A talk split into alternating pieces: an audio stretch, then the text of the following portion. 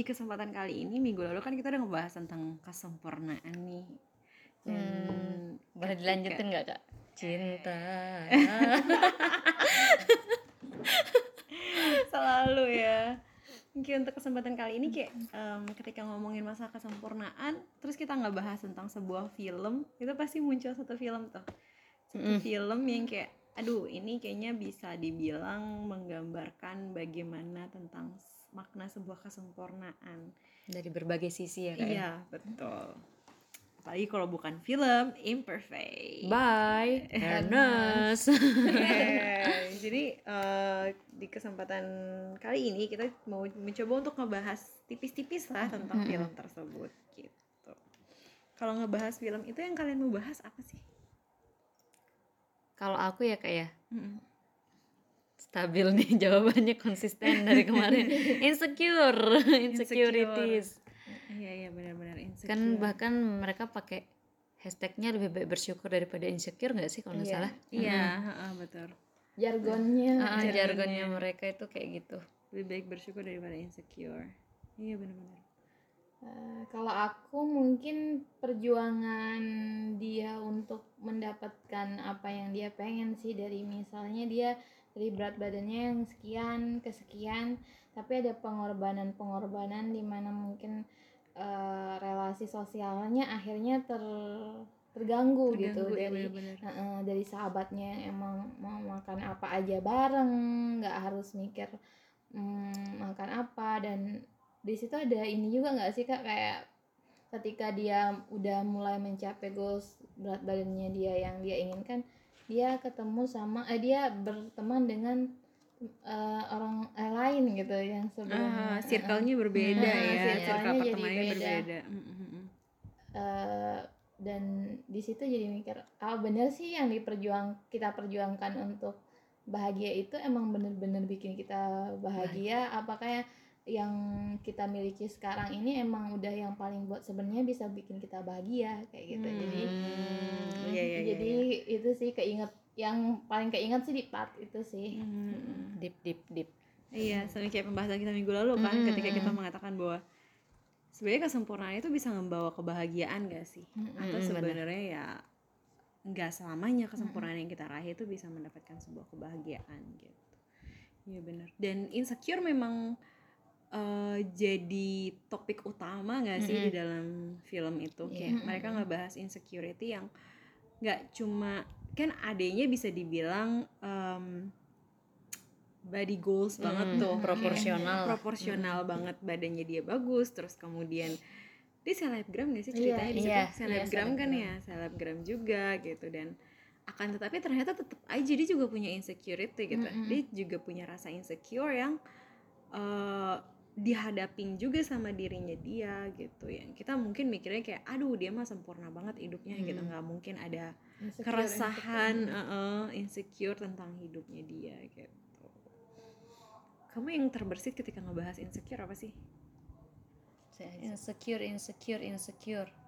yang terbersit. Kenapa kamu bilang bahwa ketika ngebahas imperfect itu yang paling kelihatan tuh yang paling keinget tuh insecure?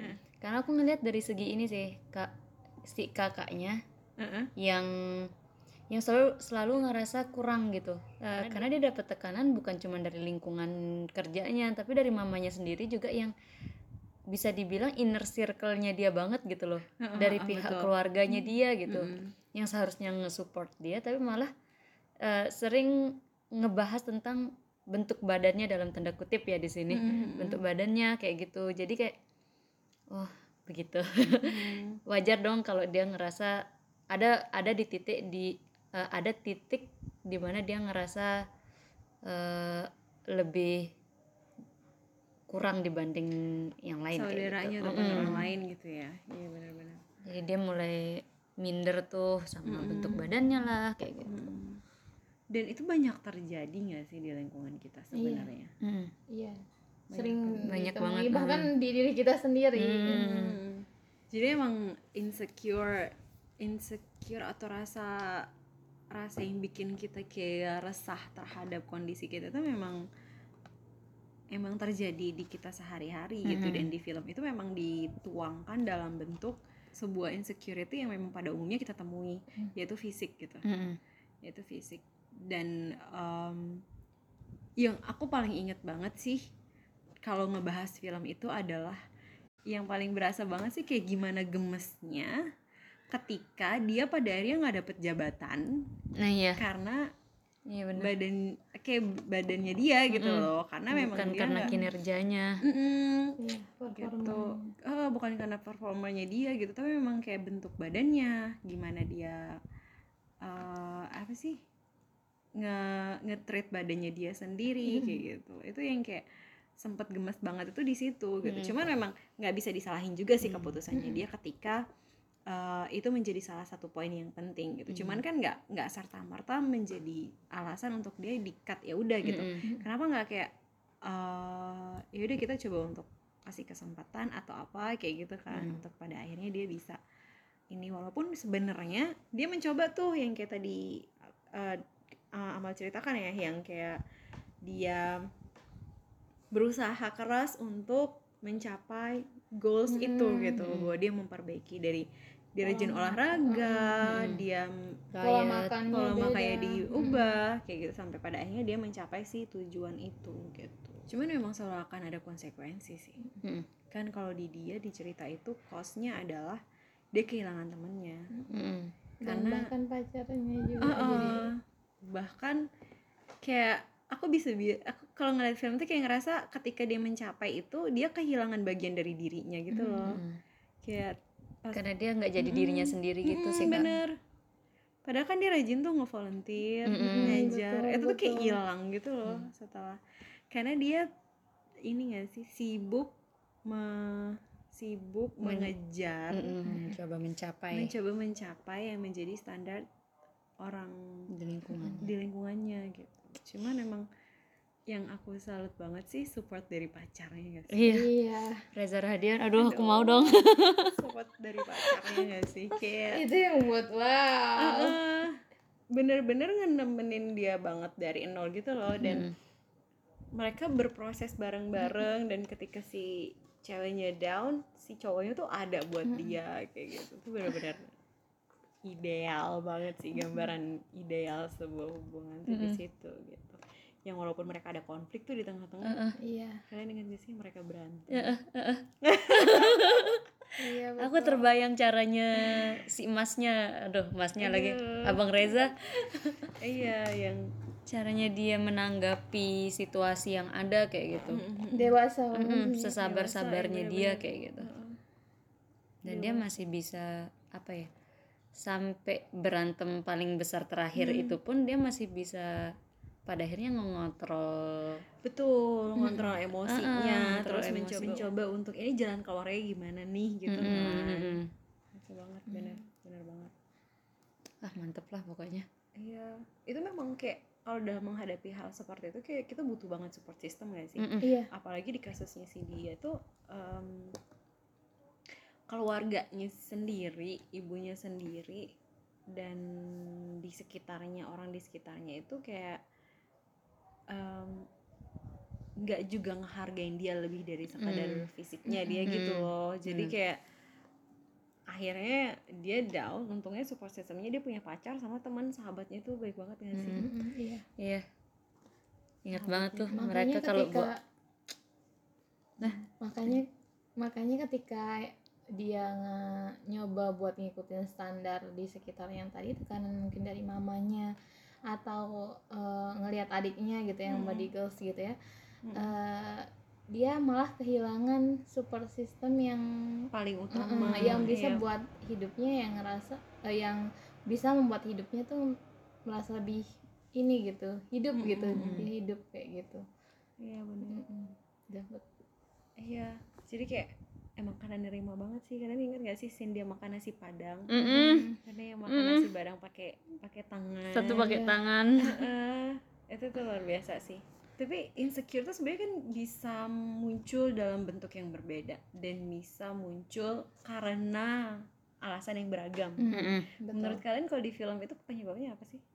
bentar mikir jadinya kayak tadi sih kak kalau aku sendiri ngelihatnya di lingkungan kerja dia di bagian eh, di kerjaannya Ya, dia di- kerja di bidang yang kecantikan gitu di mana di masyarakat kita dan eh, ini label cantik itu ya kayak tadi mungkin harus kurus eh, kayak gitu-gitu.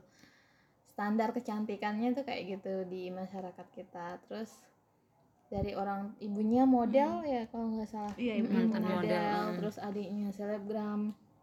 Yang di mana dua itu punya eh, bentuk tubuh ideal lah menurut standar-standar yang ada di masyarakat. Jadi mau nggak mau susah banget juga buat mempertahankan eh, mungkin ah, aku gini aja happy gitu. Karena tekanan itu sangat nyata gitu. Mau di rumah ada tekanan seperti itu. Balik ke kantor ada teka- tekanan seperti itu. Dan bahkan di kantor kita dan di rumah seakan-akan nggak eh, dilakukan tidak diperlakukan tidak adil karena hal yang sama gitu. Itu benar-benar sih tekanannya kerasa di situ. Meskipun mungkin memang ada orang-orang yang mensupport kayak tadi pacarnya sahabatnya tapi kita juga nggak bisa menutup tekanan dari dua yang sangat ini gitu sangat kuat banget. Iya dan kalau Iya misalnya sih. dilihat pressure-nya tuh besar banget kan, lebih besar daripada si dua support system yang dia punya gitu. Pressure-nya dia tuh kayak dari kerjaan iya, rumah iya. Padahal kan support systemnya ya dua itu Mm-mm. gitu. Jadi kayak bertubi-tubi dan banyak. Itu yang membuat dia kayak jadi mempertanyakan mengenai eh, eksistensinya dia, Hmm. mengenai nilai yang dia pegang. Ayah jadi insecure lah dia kayak Mm-mm. aduh bener nggak sih aku ini bener nggak sih ah iya juga sih bener juga kata dia kan ini industri kecantikan mau nggak Mm. mau aku juga harus ini itu Mm-mm. ini itu di lain sisi Iya. kayak eh aku juga butuh untuk menjadi diri aku sih kayak Mm-mm. gitu Iya. tapi akhirnya kan pasti ada poin atau pasti ada titik di mana eh, itu semua goyah gitu Mm-mm. semua prinsip yang udah kita pegang tuh jadi goyah dan kita mempertanyakan mengenai itu semua dan Hmm. akhirnya ya berpindah haluan gitu mencoba untuk memenuhi kayak tadi uh, Amal bilang memenuhi standar dari yang ada di lingkungan sosialnya dia gitu. Kayak ini juga kayak aku juga jadi keinget satu kalimat waktu dia tengkar sama temennya. Mm-mm. dia bilang eh, si Jessica Mila bilang gini eh, ya untuk eh, lo kenapa sih kayak gini? Gitu kan. Temennya mempertanyakan perubahan karena perubahannya itu bukan cuma pola makan tapi dari Sikap eh, juga, eh, karena circle-nya tadi juga kan. Iya. eh, dan si Jessica Mila menjawab untuk melakukan hal yang nggak dapat gue lakukan dulu gitu yang nggak bisa Hmm, gue iya. lakukan dulu itu kan ada sesuatu yang eh, apa ya kayak sesuatu yang memang dia tekan gitu kalau lihat dari kalimatnya emang Hmm. dia nyesek banget sebenarnya dulu Hmm. mungkin eh, merasa dikucilkan di ini gitu dan pada saat dia nyampe goalsnya itu dia bilang "Eh, ini lo gue kayak gitu. Hmm.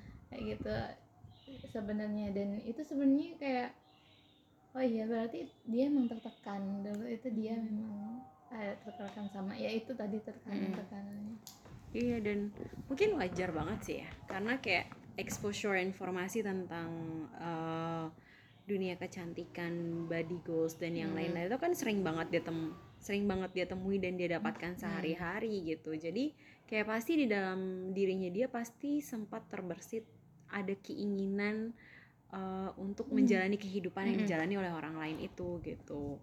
Jadi akhirnya ya makanya muncul kalimat yang tadi kali ya Hmm. kayak aku pada akhirnya bisa nih melakukan hal-hal yang Hmm. pada s- yang dulu cuma aku bisa bayangin gitu. Hmm. Sekarang setelah aku dapetin eh, bentuk fisik seperti ini, kemudian dengan kecantikan yang seperti ini, aku pada akhirnya bisa melakukan itu semua gitu. Yang Hmm. dulu cuma ada di angan-angan doang gitu. Jadi Bener-bener. akhirnya ya keluarnya seperti itu. Walaupun sebenarnya pada di endingnya kan dia menyadari bahwa Hmm. dia nggak nyaman sama kehidupan itu. Gitu. Dia tidak nyaman dan pada akhirnya dia kembali di- seperti biasa seperti biasa. cuman mengubah pola hidup sehatnya Mm-mm. Dan menurut aku dia berhasil tuh menciptakan makna sebuah beauty itu, Hmm, makna iya, beauty, betul. bener-bener kecantikan yang sesungguhnya itu seperti apa sih? Kan dia bilang dia pada akhirnya dia bilang kayak kece- kecantikan yang sesungguhnya itu kecantikan yang terpancar dari dalam Mm-mm. gitu kan. Dan makanya kan terakhir scene-nya yang dia ngefoto anak kosnya si Heeh, Reza heeh, betul dengan keunikan mereka masing-masing kayak gitu. Mm-mm, gitu. Dan ketika banyak orang yang mengkampanyekan bahwa cantik itu nggak harus misalnya langsing terus putih itu Mm. eh, menjadi sesuatu hal yang gebrakan besar menurut menurut aku ya yang harus terus menerus dikampanyekan Mm, betul. jadi eh, eh, jadi kita marilah menjadi yang eh, makin positif gitu Mm. ke depannya entah itu untuk orang di sekitar kita atau bahkan diri kita sendiri kita akan melihatnya lebih positif Mm. lagi kayak gitu dan nggak cuma dengan mengkampanyekan atau mengatakan itu Mm. tapi biasakan juga dengan eh, tindakan kita sehari-hari gitu mungkin Hmm. kayak kita bisa meminimalisir ke- ya bisa dibilang karena habit kali ya baru ketemu sama orang ih kamu kok gemukan ih kamu kok iya kurusan iya betul Iya, oh sekarang itu kok udah glowing sih gitu jadi kayak mungkin memang eh, karena kita terbiasa atau memang karena kita melihat di sekitar kita ketika orang tua kita ketemu sama Iya. siapa atau misalnya ketika Mm. kakak atau saudara kita ketemu siapa kalimat itulah yang pertama keluar akhirnya kayak terpatri bahwa cara basa-basi ya tentang menanyakan apa yang terlihat gitu jadi mungkin mulai dari sekarang juga kita kayak meminimalisir lah untuk memberikan eh, memberikan pendapat atau memberikan apa sih celetukan yang berkaitan dengan fisik gitu Mm. karena kita nggak tahu sebesar apa itu berdampak ke orang Heeh, itu gitu ke siapa tahu mereka juga. siapa tahu memang kayak Itu adalah yang sensitif untuk dia kayak gitu Mm-mm, kan. siapa Iya, tahu betul, memang betul. dia sedang berproses untuk mencintai dirinya dia gitu kan Mm. dia berproses untuk mencintai dirinya dia apa adanya dan dia berproses untuk menjalani hidup pola hidup sehat tadi terus dapat komentar dari orang luar yang kayak you know nothing about my struggle Iya, terus iya. tiba-tiba dia ngomong kayak gitu ya udah gitu loh bisa ambiar tuh usahanya dia Iya, udah sebesar apa pun Mm-mm, bener banget. Mulai belajar empati. belajar Iya, betul. Iya ya. Kak, aku mau nanya, kalau tadi kakak jelasin karena mungkin culture-nya kita yang kayak mempertanyakan apa yang terlihat gitu. Mungkin teman-teman pendengar di rumah juga bingung. Terus kalau nggak menanyakan misal bentuk tubuh yang berubah atau apa yang terlihat basa-basi yang seharusnya tuh kayak gimana sih yang mungkin lebih arahnya lebih positif gitu. Hmm, ya tanyakan aja langsung dia saat ini kabarnya gimana? Eh, Kamu apa kabar? Sibuk apa nih kayak gitu. Ah, sibuk apa? Atau mungkin sekarang kayak mungkin ketika dulu terakhir kita berkomunikasi sama dia itu dia sedang melakukan sesuatu, kita bisa nanyain tentang itu. Hmm. Gimana nih sekarang perkembangan ini? Terus misalnya dia udah punya anak, kita tanyain aja, kamu anaknya apa kabar? Hmm. Gitu. Si Dede sama siapa di rumah? Hmm. Kayak gitu loh, gitu. Jadi kayak yaudah itu kan bisa kayak keep up kita Mm-mm. sama dia seperti apa gitu. Jadi Dan terus- bisa diubah Mm-mm, bisa diubah, bisa diubah lah dan, dan dibiasakan ya, ya. ah, dibiasakan. Gitu. belum tentu hal A sensitif di aku Iya, belum betul. kalau kalau tolak ukurnya kita diri sendiri ya nggak bisa Nggak- jadi Nggak bisa, bisa jadi bisa. patokan. Nggak bisa jadi tolak ukur. Betul. Benar banget tuh. Banyak banget yang bisa kita pelajari dari sebuah film Mm-mm. imperfect. Itu banyak banget sih dari Iya, kepercayaan, insecure yang paling Insecure, terus kayak parenting, Mm-mm. Iya betul betul pola interaksi ibu dan anak Iya benar. gitu.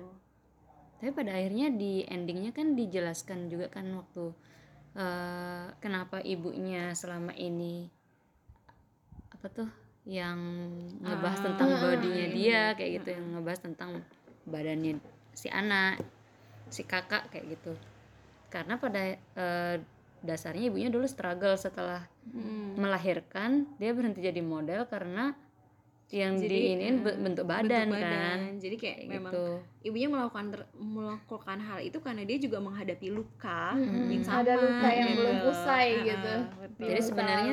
Heeh. sebenarnya ibunya punya ketakutan anaknya mengalami luka yang sama dari lingkungannya lah kayak gitu ya tapi tanpa sadar ternyata malah dia menyebabkan luka itu mm, dia menyebabkan luka itu ke anaknya berarti memang caranya aja yang masih ini Mm-mm. karena sebenarnya niat utamanya tidak, Tidak ingin ke sana. melukai si Mm. anaknya gitu. Komunikasi. Betul itu banget. Iya. Banyak lah. Emang kayak nggak cuma imperfect sih menurut aku. Kayak dari semua film yang kita tonton juga sebenarnya banyak hal yang bisa kita pelajarin gitu. Karena mereka pasti di setiap film itu ada hal yang bisa kita lihat bisa kita tiru ada yang bisa kita oh berarti gue besok nggak nggak boleh kayak gitu gitu. Jadi pasti ada yang bisa kita pelajari dari sebuah film value-nya ada. ada Mm-mm. value-nya ada value ada nilai moral Mm-mm. yang bisa kita pelajari Yep, bener banget. Gitu guys. Oke, itu kita ngebahas film sih sekarang ini. Em, untuk ngebahas filmnya udah dulu kali ya. Iya Mungkin betul. eh, kalau misalnya teman-teman ada film yang mau dibahas bareng-bareng, nanti bisa DM kita di @balai.psikologi atau misalnya mau ikut nimbrung